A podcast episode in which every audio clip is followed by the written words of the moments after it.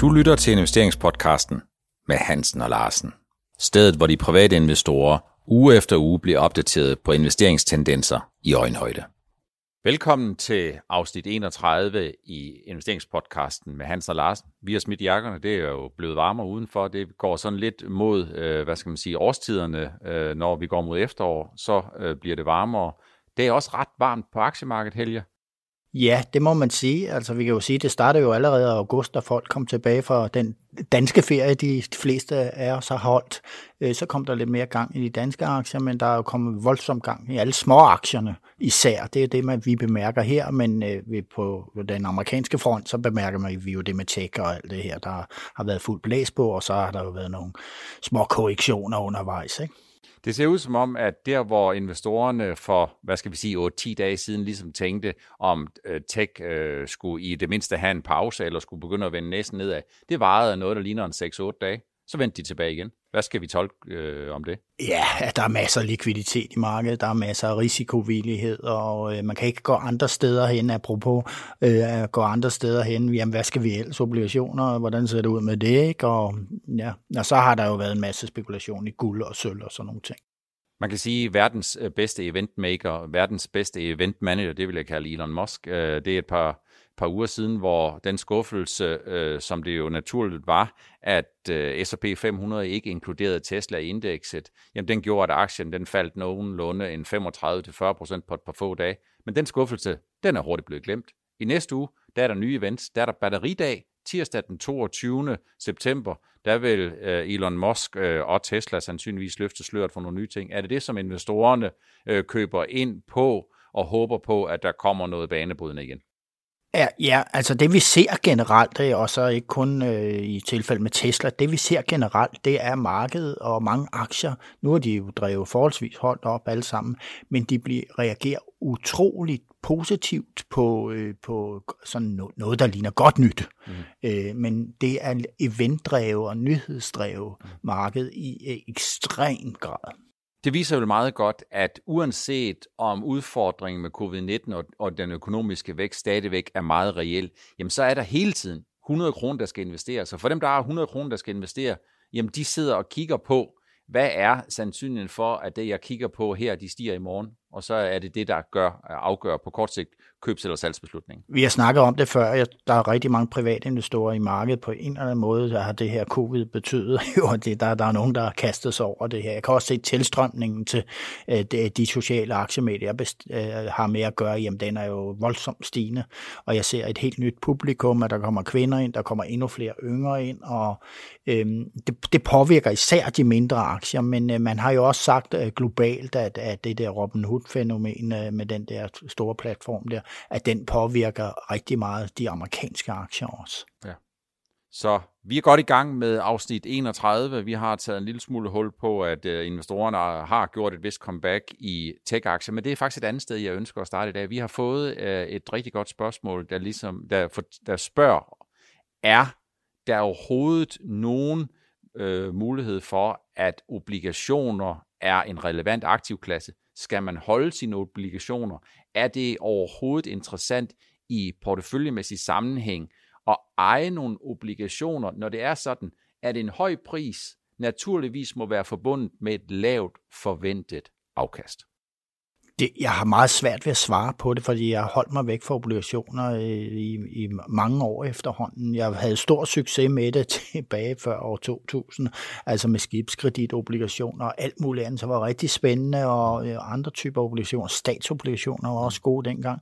Men ellers har jeg så holdt mig væk i det her lavrende øh, miljø, vi har haft i meget, meget lang tid, og det fortsætter nok også, tror jeg, det her med de lave renter, så... Øh, jeg ved, der er i hvert fald ikke plads hos mig øh, til obligationer. Og der er en anden ting, jeg har lagt mærke til, det er, at når invest- der er et eller andet galt, når investorer er villige til at betale for at få nogle obligationer. Mm. Det har vi jo set med den tyske øh, 10-års ja. øh, statsobligation, der kom i var det sidste uge eller forrige uge. Så betaler man penge for at få lov til at købe den. Ja, altså man betaler penge for i princippet at låne den, tyske, ja, den tyske lån, stat penge. Ja.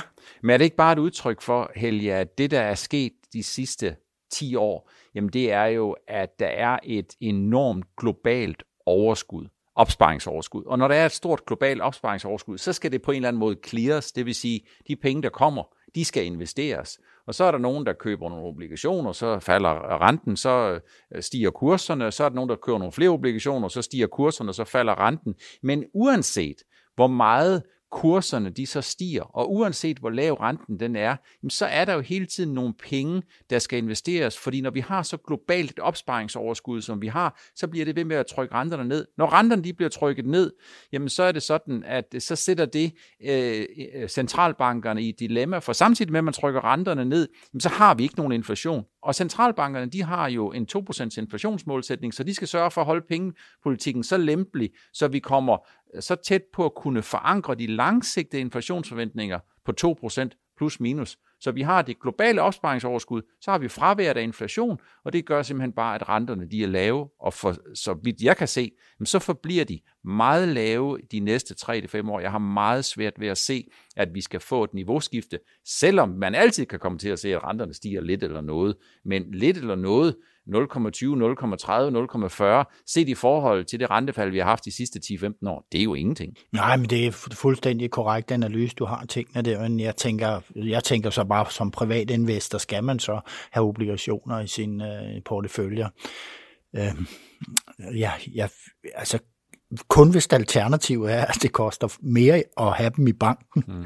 så kan man måske overveje den løsning, men det, det er ikke noget for mig i hvert fald. Man kan sige, at øh, hvis man skal være i obligationer, så skal man måske være inden for high yield, altså nogle af øh, de selskaber, der udsteder nogle obligationer, som har en lidt virksomhedsobligationer. virksomhedsobligationer, som har en dårligere kreditbonitet, eller nogle øh, obligationer, statsobligationer, udstedt af nogle lande, som har en dårligere rating end den, som vi kender øh, på øh, vores breddegrad. Og en af udfordringerne, det er, øh, som jeg kan se det, jamen det er, at alle folk, de jagter det samme. Alle folk jagter det her afkast pick-up, som er svær øh, at få. Øh, og hvis man sådan skal kigge på det, se det i en længere perspektiv, så kunne jeg godt være nervøs for, at investoren ligesom siger, jamen jeg får afkast pick i den her kreditratingsklasse, øh, men de glemmer måske at se, at der hvor de for 10-15 år siden fik det her pick-up i en A plus rated, så får de måske det her pick-up i et B minus, og det vil sige, at der er en reel risiko for, at investorerne det bliver afkast og risikoblinde, når det er sådan, at de jagter det her mere afkast, som bliver sværere og sværere at få i en verden præget af et globalt opsparingsoverskud og mangel på inflation. Ja, og det der med virksomhedsobligationerne i en tid med covid-19 og alt det her, så skal man jo virkelig vurdere, hvilken sektorer øh, og hvilke selskaber man finder mm. inden for det her. Så jeg vil tillade mig at konkludere, set i hvert fald i forhold til mit perspektiv, statsobligationer, jamen de er mindre interessante. Øh, jeg vil faktisk sige grænsen til uinteressante. Og skal man være i obligationer, jamen så er det high yield, og så er det obligationer øh, udstedt af nogle lande, som har en væsentligt dårligere kreditvurdering af Danmark. De har måske også et andet inflationsregime end det, som vi har i Danmark, hvor vi leder efter inflation, og inflationen er måske lidt mere til stede i nogle af de andre lande. Men et, et, et sådan rigtig stort og fremragende afkast, og et super godt alternativ langsigtet til aktier, jamen det er det altså ikke. Ikke lige nu i hvert fald. Vi er jo øh, på vej øh, mod en amerikansk valgkamp, som kulminerer. Det gør den sandsynligvis i løbet af de kommende uger. Og et af de der emner, øh, der kommer op igen, det er der slet ingen tvivl om, det er øh, de amerikanske udgifter til, til medicin. Det er de amerikanske medicinalpriser. Øh, alle vil sådan set øh, gerne, uden for medicin, medicinalsektoren, medicinalindustrien, de vil gerne have medicinalpriserne ned. Øh, kommer det til at ske den her gang? Det gør det, gør det ikke det nægter jeg tro på. Altså, og det, jeg har sagt det hver gang, der har været ballader med det her også. Uh, Hillary Clinton der, da hun gik ud, og så kom Trump og alt det her. Så bliver der panik i de mange danske øh, farmaaktier og biotech-aktier, fordi sådan og sådan, at uh, det kan ikke sælge medicin og tjene gode penge på. Og det går også ud over for eksempel har trykket Novo hver gang, der har været noget, fordi det er et stort marked for dem. Og Genmap er også et stort marked, har et stort marked i USA. Uh, øhm, så nej, der sker ikke noget ved det. Og vi kan jo også se, at Trump han har så en anden to ting. Han gik ud med medicinpriser, og så den her mur mod Mexico. Ja. 12 km mur er der lavet nu. Ja. Øh, der er altså rigtig, rigtig mange 100 kilometer eller 1000 kilometer, hvor man kan snige sig over ja. øh, u, helt uproblematisk, og det sker også i USA. Så, så alle de der store problemer, det kan man altså ikke løse, uden at øh, man politikerne og en bred kamp øh, og så går ud i de enkelte stadier, finder nogle systemer, der fungerer. Så man kan sige ikke kun Donald Trump, men også de amerikanske politikere i generelle tilfælde, de har mødt muren, når det gælder medicin, medicinalpriserne, ja. men når vi kigger mod nogle af de andre ting, øh, jamen så er det, det, det viser sig simpelthen, at det er sværere at få gennemført det her. En ting, det er retorik, og noget af det, som man gerne vil stille sine vælgere i udsigt, for det er jo i bund og grund det, det handler om. Men der er jo en enorm fundamental forskel på den måde, som sundhedssystemet og indkøbsorganisationerne fungerer i USA, og den de fungerer i Europa. Og der er altså ikke nogen snuptagsløsning. Øh, ja, priserne er meget højere, øh, end de er i USA, men man har også nogle mellemled, som er skudt ind, og nogle af de der mellemled, de er sågar børsnoterede. De her børsnoterede mellemled, jamen med mindre de kan drive den type af sundhedssystem væsentligt billigere og væsentligt mere effektivt end andre, jamen så vil det jo være et fordyrende led. Er det ikke sådan, der? Jo, og det er dødbyråkratisk. Hvis man virkelig skulle gøre noget ved medicinpriserne i USA, så skulle man lave alle systemerne om, og så kunne man kigge på, på Europa, hvordan vi gør herover. Ikke? Så jeg vil sige, at øh, nej, det er jeg ikke så nervøs for. Det, der trykker farmaaktierne har gjort det i en periode her, øh, og biotech, det er jo øh, primært, at dollaren falder. Ja. Det synes jeg er et væsentligt større problem for vores øh, øh i hvert fald store danske farmerselskaber, at man lige pludselig i regnskaberne skal regne med, at dollaren er faldet rigtig kraftigt. Men den har så også steget meget, så det, men, men det er investorerne jo ligeglade med, altså hvad man fik i gevinst tidligere, det, det er altså hvad der kommer fremadrettet. Så det er det, der betyder noget. Hvis man kigger på USA, så er det jo også en af de der steder, øh, USA er jo på godt og ondt et fantastisk land, men hvis man kigger på øh, den der måde, hvorpå øh, priserne de bliver afregnet, jamen så er der nogle øh, vejledende priser, så er der nogle øh, priser, som der er nogen, der skal købe, hvis de er, har forsikret sig igennem forskellige ordninger. Men der er også noget andet, som jeg tænker på, Helge, og det er, at det sker jo ikke så sjældent, at man i USA ser, at den amerikanske regering, øh, den amerikanske stat eller de amerikanske stater laver nogle retssager mod de her medicinalselskaber. Og er det ikke bare sådan et, et, et udtryk for, at når man så skal have 500 millioner fra den ene og 500 millioner fra den anden, på basis af, at man har overtrådt en eller anden lov eller et eller andet, er det så ikke bare noget af det, der er med til at holde priserne høje, fordi de bøder, man sender på basis af det ene og det andet, jamen de er måske samtidig afregnet efter, at, der er, at, den, at det amerikanske samfund skal have nogle af de her mere priser tilbage igen. Og er det så ikke bare en cirkulær reference? Nej, det er godt tænkt, Per. Øh, det har jeg ikke tænkt på, at det, man kræver skatter op på, på den måde ja. der, selvom skatterne i hvert fald i Danmark nogle gange føles som en bøde. Ikke? Ja. Men øh, det kan godt være, øh, men der, der er jo også andre ting i det her. Det er jo, at øh, vi ser nu, at øh, Trump øh, lægger pres på øh, godkendelsesprocedurerne hos FDA. Mm. Altså det der med, at du får lige, du, lige pludselig bliver vi opmærksom på, at der kan godt være noget statsligt, og sikkert også for de enkelte stater, altså øh, pres på, på sundhedssystemerne i et mm. omfang, vi ikke rigtig kender, og, ja. og kan påvirke omkostningsstrukturen øh, i, i, i hele deres øh, godkendelsessystemer derovre. Øh, ja, og så ved vi, at erstatningssager altså generelt, er jo, altså det er jo enorme erstatningskrav, man har, kan rejse, øh, mm. også uden, øh, faktisk uden forældelse mm. i, i USA. Mm. Og det er jo også en af grundene til virksomheder fra Europa, der sælger i USA, de tager nogle høje priser for deres varer, mm. fordi de, hvis de løber ind i en sag, mm. så kan de blive ruineret på det. Ja, så, ja, Worst der, case. så det er fundamentalt set, der er det bare et helt andet marked. Øh, priserne er måske højere, men grunden til det, det er måske, at virksomhederne et stykke hen ad vejen siger, at der skal være en risikopræmie ved at operere på verdens mest attraktive marked, verdens største største medicinalmarked, men det er altså, der er lagt så ufattelig mange snubletråde ud. Øh, vi hører jo ikke i Europa om, at øh, det ene efter det andet selskab hele tiden bliver trukket ind, fordi så har de gjort sådan og sådan og sådan og sådan og sådan. Det er jo ikke det, vi hører om. Det kan godt være, at der er nogen, der engang imellem får en bøde, men vi hører jo ikke om, at de store medicinalselskaber, de bliver trukket ind i nogle retssager, hvor de skal betale i hundredvis af millioner euro hele tiden. Og noget af det, kan måske hænge sammen med, at der findes ikke noget sted i verden, hvor man har så mange advokater per tusind indbyggere, som man har i USA. Og der er rigtig mange, der ligesom siger, anlæg den her sag.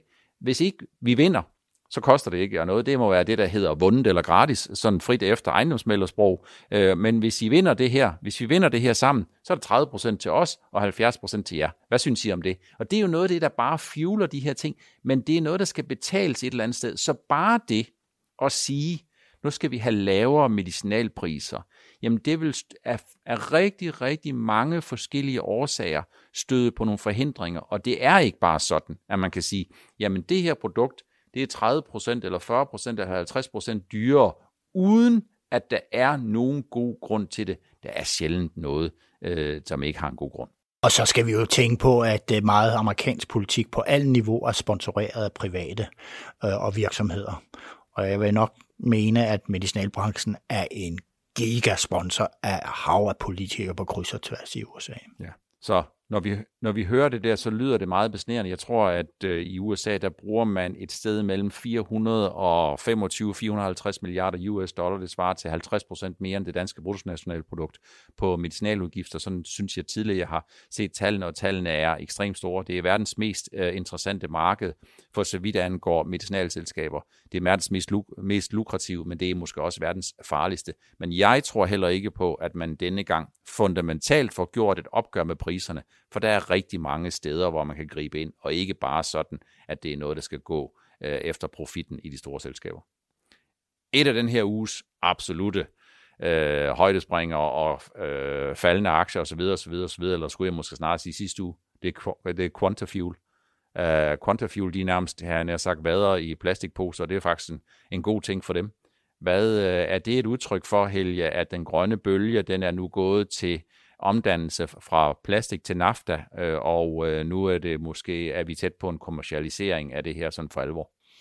Altså, det er jo stadig meget præmaturt. Mm. De skal jo opbygge nogle fabrikker, og så skal det komme til at fungere det her med, at man får affaldsplast ind, og så man så kan omdanne det. Det er meget, meget besnærende det her, mm. og det passer jo lige ind i en lang trend med bæredygtighed. Men det er jo ikke ens betydende med det her selskab bliver vinderen. Nej. Der er jo også andre selskaber, der arbejder med det derude, og meget større selskaber. Men lige forløbet har de jo været en vinder, fordi er rigtig, rigtig mange private investorer, de er løbet efter det store håb mm. om, at de får en stor gevinst inden for det her område. Og vi snakkede om den i sidste uge, og der kom jo så en meddelelse om efterfølgende med en emission Ja. Og sjovt nok, vi sagde, os to, vi sagde, pas nu på. Mm. og vi lå jo oppe, inden emissionen blev meldt ud, så lå vi på dagen, der lå vi jo oppe i, i kurs 83, 86, der var ja. masser af handel derop. Og det sidste 20 minutter og en halv time af børsdagen, der røg kursen jo ned i det, den startede på dagen før, i 73. Ja. Det var sgu da mystisk, ikke? Jeg, ja. jeg, jeg opdagede det slet ikke. jeg tændte for computeren der, efter børslukket, så tænkte jeg, det var da utroligt. Mm. Og så fire minutter efter børsluk, mm. så kom jo den her meddelelse om, at man lave en emission på 600 millioner kroner. Og så tænkte jeg, det var fornuftigt, fordi man har jo en plan, og man skal videre derud af. Men samtidig med den meddelelse, kom der jo en meddelelse om insider mm. øh, salg mm. i et stort omfang. Ja. Og det, det vil jeg nok sige, jeg meget har jeg set op i Norge, men det der, det var ja, hvis insider kører mm. så, og går med i en emission, mm. så er det fint. Mm. Men så et stort salg der, og, og, og den ene, en af de insider solgte alt, hvad han havde, mm. fordi han havde et husprojekt, han skulle betale sig han efterfølger. Det har sendt meget, meget tvivl ud i markedet. Man kan sige, at øh, når insider sælger, så er det altid sådan en lille smule problematisk, når det sker på den her måde. Øh, den ene måde, det er, at man kan jo se det her som, de tegner deres livs livsforsikring i det øjeblik, at, øh, at det her det sker, jamen så får de måske 10 eller 20 eller 30 millioner kroner fri, og hvem vil ikke øh, rigtig gerne købe, han er sagt, få sin øh, økonomiske og finansielle frihed. Øh, når, jeg, når jeg spørger ind til det, så er det også fordi isoleret set, så det der skete i sidste uge og i starten af den her uge, det burde faktisk efter min mening ikke have dæmpet efterspørgselen, fordi de analytikere, jeg har set citeret, de har hele tiden regnet med, at der kommer en kapitaludvidelse på kurs 50. Det har, det har alle, det har investorerne også, men, og så kommer den på 70. Så kommer den på 70, og isoleret set, så vil det betyde, at den udvandring, der kommer, den bliver mindre. Der er ikke kommet nogen negative teknologiske nyheder, der viser, at det her proof of concept teknologisk ikke skulle være on track. BASF, som skulle aftage produkterne, har ikke sagt, ja. de er der stadigvæk. Og Kirkby var tidligere, tidligere med inde, og det var ikke så klodset, den der kunne man se ud fra et uh, Lego-princip. Så der er ikke kommet noget isoleret set, der skulle gøre, at de kursmål, som blev blæst op i sidste uge fra 20, 40, 60, 80 100, 110, 120, 135 så jeg, ikke skulle være forøget. Men det, der sker, det er selvfølgelig øh, fuldstændig det samme, øh, som der sker, når der i stedet for at være 800 øh, billetter til salg til en Justin Bieber-koncert, lige pludselig bliver udbudt 800.000. Så er det ikke så eksklusivt. øh, så er der ikke så mange, der skal ind på samme tidspunkt. Så er der ikke så mange, der vil ligge i kø i tre måneder i frostvejr for at vente på en af de 800 billetter. Så er der lige pludselig nogen, der siger, der kan vi altid få, vi kan altid komme ind. Øh, og det er jo det, øh, det er jo der, hvor man fjerner lidt den her, hvad skal man sige, eksklusivitet. Den her eksklusivitet, den her mangelsituation. Men isoleret set, så kan man sige, efter min mening, så er det et udtryk for, at der var simpelthen bare for meget fart på. Der var for meget spekulation. havde det været i USA, så kunne jeg faktisk godt forestille mig, at det her det var kørt videre, fordi i USA... Så har man shortet den, da den kom op, altså ja, helt vildt og voldsomt. Så shorter man den, men man kan også forestille sig, at hvis Quantafuel havde sagt til fem strategiske investorer i USA, vil I stille med en milliard dollar, og så får vi det her til at flyve, så tror jeg også, at pengene havde været der. Så det er jo måske et udtryk for, at uh, The Wild West det er bare at komme til Norge, eller også at Norge bare vågnet op og viser, at Norge er sådan en form for et Wild West. Jamen, Norge har været Wild West i, i, i 30-40 år, og der, der er jo en grund til, at de ikke kommer ind under Nasdaq. Altså, det er jo helt vildt, det der foregår deroppe. Altså, man kan se aktier typisk, hvor der bliver lavet emissioner, de bliver jo kørt op. Mm. Øh, enten bliver de kørt op af noget hype, eller jeg tror, jeg, jeg siger ikke noget om, at det er organiseret et eller andet, men det er helt typisk, at de bliver kørt op, og så laver man en mission på toppen, og så bang, så falder aktien ned igen. Og det var jeg bange for, at det ville ske med Quantafull. Men jeg blev rigtig glad, at jeg så, at det var 70. Ja. Det synes jeg virkelig var et godt, stærkt signal.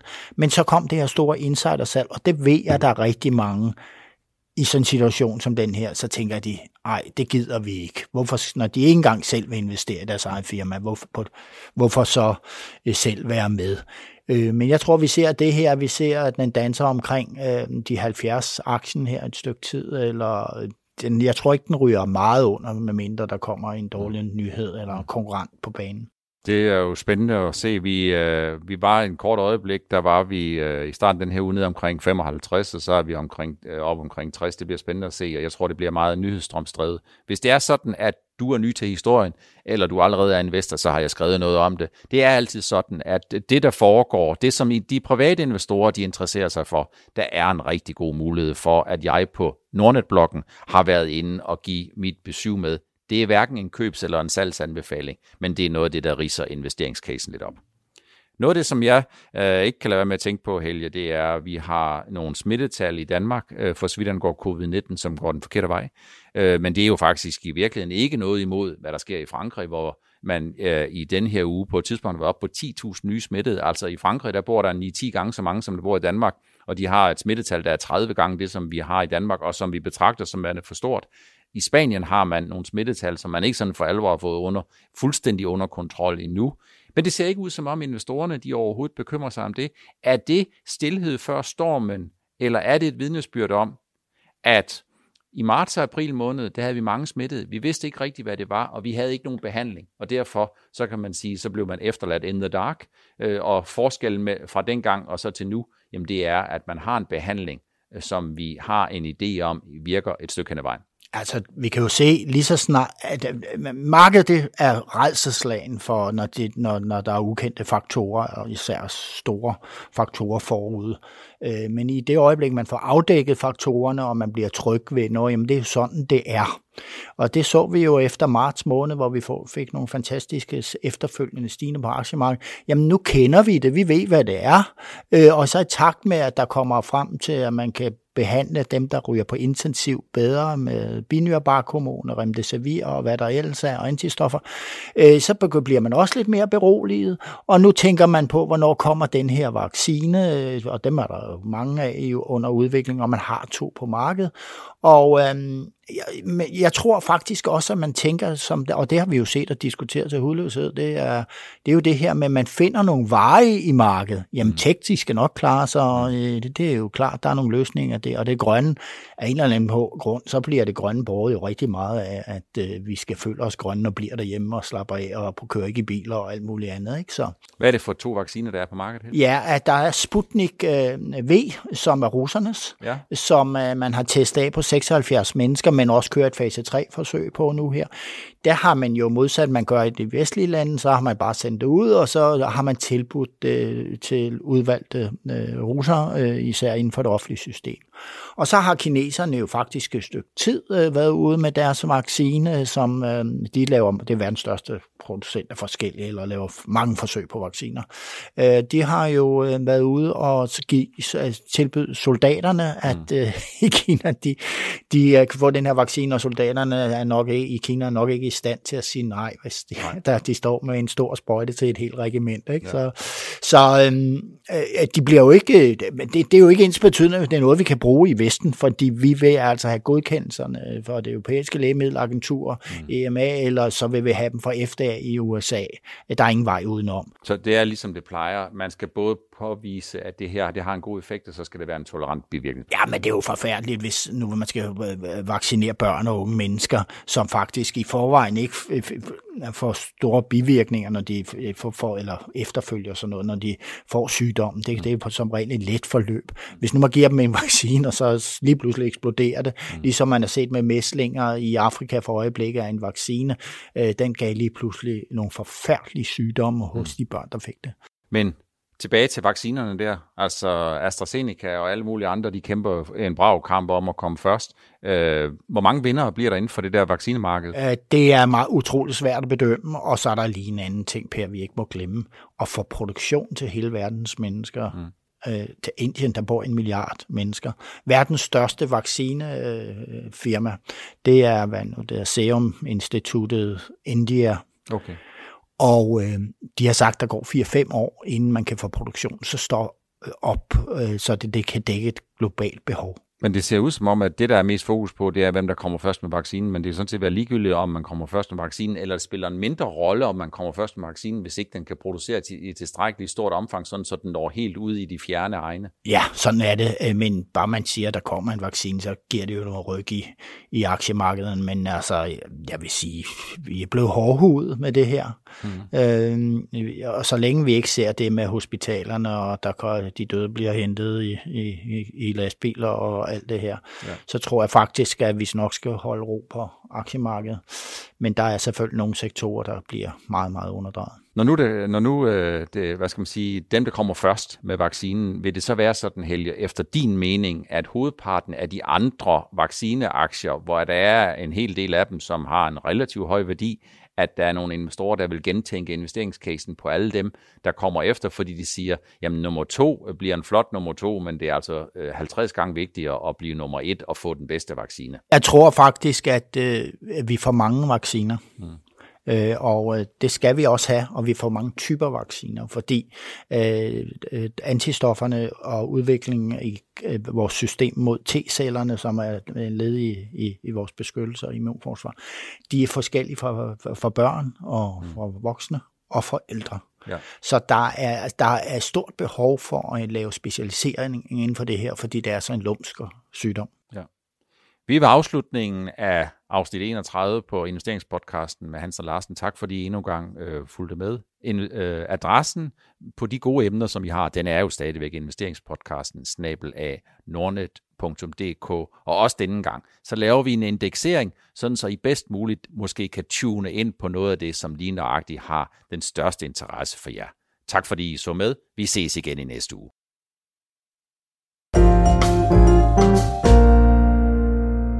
Du lyttede til investeringspodcasten med Hansen og Larsen. Vi ses igen i næste uge.